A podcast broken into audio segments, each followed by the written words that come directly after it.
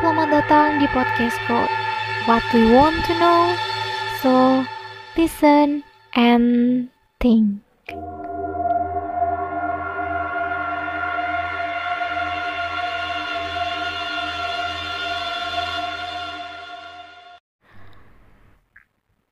Halo Codes, selamat datang kembali di podcast Code. Podcast yang akan mengisahkan berbagai kisah-kisah misteri, konspirasi, dan juga berbagai kasus-kasus pembunuhan yang menghebohkan dunia. Jika kalian diberi pilihan untuk memilih pistol atau tali, kira-kira mana yang akan kalian pilih?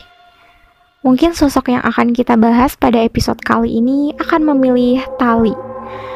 Talinya akan ia ikatkan ke sebuah batu yang kemudian ia tenggelamkan ke dasar sungai. Tali tersebut akan menyeret tubuh seseorang dan menenggelamkan tubuh itu hingga kehabisan nafas. Ia adalah Giovanni Bresca, seorang mafia sekaligus pembunuh bayaran paling berdarah dingin pada masanya. Ia akan memilih cara yang paling sadis dalam menghabisi nyawa korbannya. Ia akan menyiksa terlebih dahulu para korbannya sebelum akhirnya menghabisi nyawa para korbannya tersebut. Namanya begitu dikenal sepanjang hidup.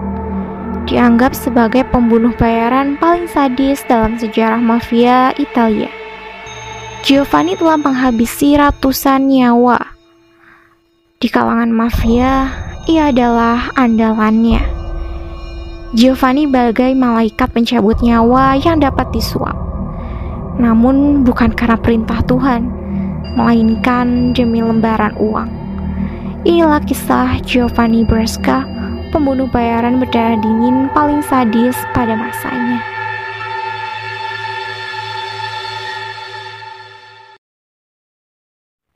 Giovanni Bresca lahir di San Pietro, daerah Palermo, Italia pada 20 Februari 1957. Ia lahir dari keluarga mafia. Hal tersebutlah yang membuat Giovanni sangat akrab dengan berbagai macam kekerasan. Kakek buyut dan kakeknya adalah mantan petani yang kemudian direkrut menjadi anggota mafia setempat. Sedangkan ayahnya, Bernardo Bresca, adalah bos mafia lokal yang akhirnya dihukum seumur hidup akibat berbagai kasus pembunuhan berencana yang ia lakukan. Jiwa mafia telah mengalir dalam darah seorang Giovanni Bresca. Di usianya yang ke-18 tahun, ia menunjukkan kemampuannya dengan membunuh korban pertamanya. Di tahun berikutnya, Bresca kembali melakukan aksi membunuhnya yaitu di kerumunan penonton bioskop dengan menggunakan senapan laras ganda. Terkurungnya sang ayah dalam jeruji besi membuat Giovanni harus mencari nafkahnya sendiri. Ia mengawali karir mafianya sejak di usia 20 tahun. Kala itu, Giovanni bekerja sebagai supir salah satu mafia bernama Bernardo Provenzano. Karir Giovanni berlanjut dengan bergabung dalam jaringan pembunuh bayaran bernama Corleonesi. Kemudian, ia juga bergabung dengan komplotan mafia Cosa Nostra. Mungkin beberapa dari kalian yang sedang mendengarkan podcast ini sudah tidak asing lagi dengan komplotan mafia Cosa Nostra. Bagi yang belum tahu, apa itu organisasi mafia Cosa Nostra? Organisasi Cosa Nostra adalah sepuh dari para mafia di Italia. Organisasi ini sudah beroperasi sejak tahun 1800-an dan dikenal dengan aturan ketat anggotanya yang bernama Umberta. Umberta adalah sebuah sumpah untuk setia dan tidak membocorkan apa pun kepada para penegak hukum. Aturan tersebut memaksa para anggotanya untuk tunduk kepada kelompok tanpa terkecuali. Asal-usul Cosa Nostra ini sangat sulit untuk dilacak mengingat gerak-gerik para mafia sangat rahasia dan mereka tidak menyimpan catatan sejarah apa pun mengenai kelompok mereka sendiri. Malah, tak jarang para mafia ini sengaja membuat narasi-narasi penuh omong kosong soal masa lalu mereka yang diharapkan membuat masyarakat mempercayainya sebagai fakta. Masa-masa kejayaan dari organisasi Costa Nostra ini terjadi pada era 1970-an ketika mereka menguasai bisnis pemurnian dan pendistribusian heroin. Bisnis ini bahkan membuat organisasi Costa Nostra dapat menancapkan dominasinya hingga ke Amerika Serikat. Itu dia tadi sekilas mengenai organisasi Cosa Nostra. Sekarang kita balik lagi ke sosok yang kita bahas di awal tadi, yaitu Giovanni Berska. Giovanni Berska ini merupakan salah satu anggota dari organisasi Cosa Nostra yang dikenal paling sadis. Berbagai tempaan telah dilalui oleh Giovanni di sana. Tempat itulah yang membentuk naluri membunuhnya menjadi semakin liar. Sebelum menghabisi nyawa korbannya, Giovanni akan menyiksa korbannya terlebih dahulu. Penyiksaan yang dilakukan oleh Giovanni sangatlah sadis dan kejam. Dari mulai memukul dan menghancurkan tulang-tulang korbannya menggunakan palu, hingga menjepit telinga korbannya menggunakan tang. Usai menyiksa korbannya, Bruska akan mencekik korbannya dengan tali hingga tewas. Selain itu, Bruska juga memiliki cara-cara tersendiri dalam menghabisi nyawa korbannya, seperti memanggang tubuh korbannya di atas panggangan yang sangat besar hingga membuat lubang besar menggunakan traktor untuk membuang tubuh para korbannya. Membunuh musuh sang ketua organisasi mafia adalah sebuah pekerjaan wajib bagi Giovanni Bruska.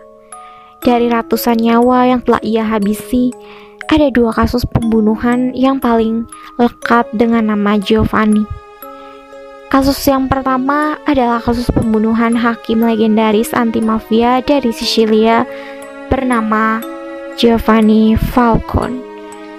Sebagai hakim, karir dari Falcone sangatlah gemilang. Dengan nyalinya yang tak banyak dimiliki hakim lain saat itu, Falcon menjatuhkan kejayaan Salvatorina yang merupakan pimpinan mafia paling disegani pada saat itu dengan cara menangkap 400 anak buah dari Salvatorina. Merasa terancam dengan sepak terjangnya, Rina menyewa jasa Giovanni untuk membunuh Falcon.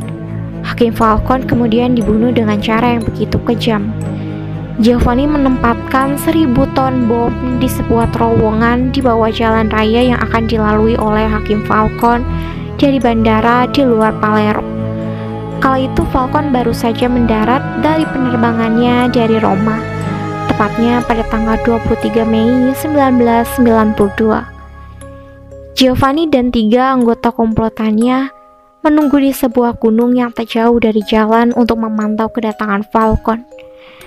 Ketika melihat rombongan Falcon mendekati terowongan, Giovanni dan komplotannya lalu meledakkan bom yang telah dipasang di bawah jalan raya tersebut. Dalam seketika, Falcon, sopir, dan ketiga polisi yang mengawalnya tewas di tempat.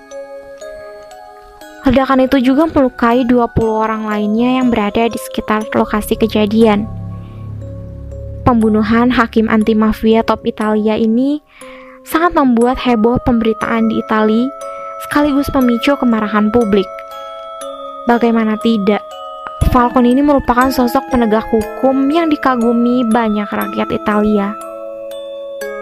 Sebuah kehilangan besar yang dirasakan oleh masyarakat Italia. Polisi gencar-gencarnya mencari keberadaan Giovanni Brusca namun, Giovanni dapat melarikan diri hingga empat tahun lamanya. Dalam peralihannya, Giovanni tak berhenti melakoni pembunuhan sadis lainnya. Masih dalam rangkaian kasus pembunuhan Hakim Falcon. Kali ini target Giovanni adalah seorang bocah 11 tahun bernama Giuseppe.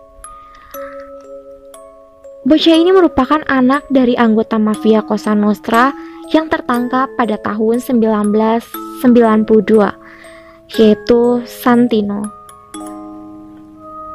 Saat itu Santino atau sang ayah bersedia bekerja sama dengan penegak hukum untuk mengungkap kasus pembunuhan Hakim Falcon.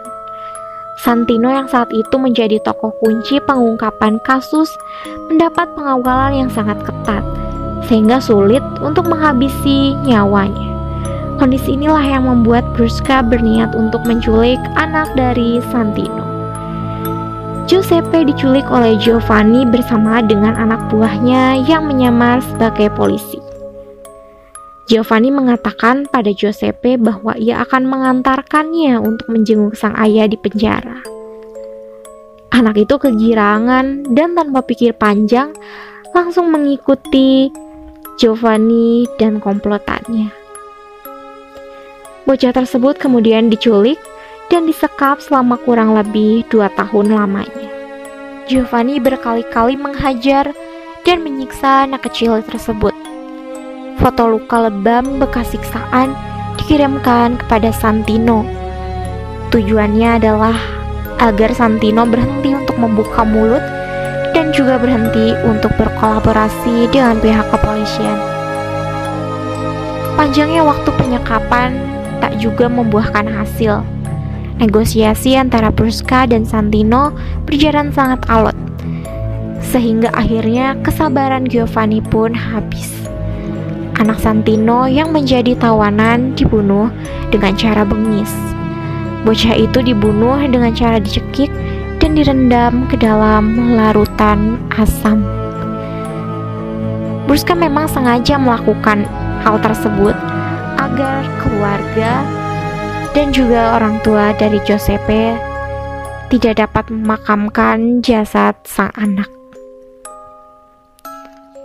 Selain pembunuhan Falcon, Brusca juga bertanggung jawab atas berbagai gelombang pemberontakan di Roma, Firenze, dan juga mulai pada tahun 1993 untuk memperingati penegakan hukum agar berhenti mengganggu jalannya operasi mafia. Salah satu rombongan yang terkenal adalah penyerangan Galeri Uffizi di Frieze, Italia. Teror ini dilakukan terhadap penegak hukum dan penegak negara setelah terbunuhnya Giovanni Falcone. Bertahun-tahun dalam persembunyian, akhirnya Giovanni Brusca ditangkap pada 20 Mei 1996. Ia ditangkap saat bersembunyi di sebuah rumah di barat daya Sicilia bersama keluarganya. Saat itu Giovanni hendak makan malam dan menyalakan televisi untuk menonton film tentang kematian Hakim Falcon. Di tengah tontonannya, seketika puluhan polisi berdatangan dan menangkapnya serta saudaranya Vincenzo. Petugas bersorak-sorai atas keberhasilan mereka menangkap pembunuh bayaran paling sadis pada masa itu. Bahkan saking geramnya, ada seorang polisi yang meninju wajah Giovanni hingga berdarah-darah.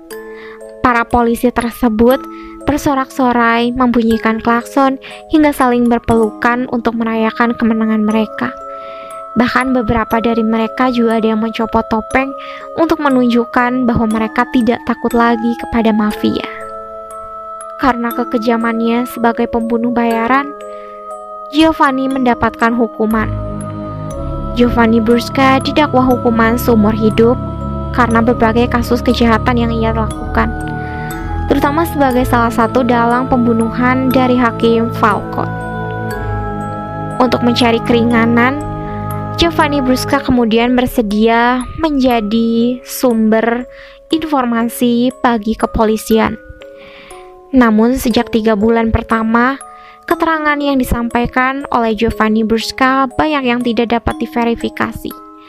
Sampai kemudian ia membocorkan rahasia pembunuhan Hakim Falcon yang ternyata juga melibatkan seorang menteri dalam negeri Italia kala itu, Nicola Mancino.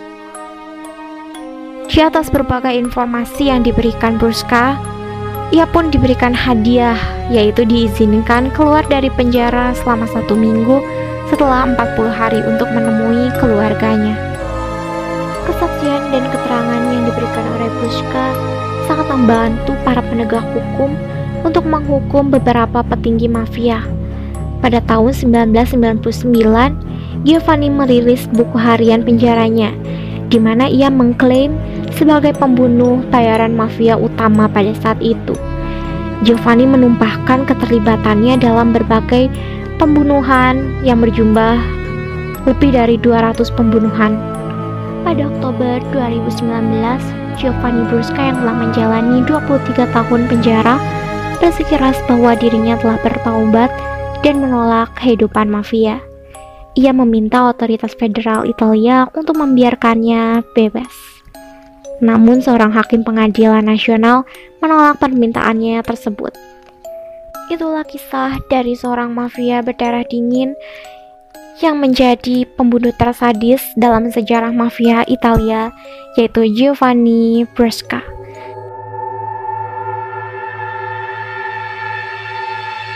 Terima kasih untuk kalian yang selalu setia mendengarkan podcast Code. Terima kasih yang sudah mendengarkan podcast Code hingga di detik ini. Dan jangan lupa nantikan episode-episode selanjutnya dari podcast Code yang tentunya akan selalu lebih menarik dan selalu membuat kalian berpikir.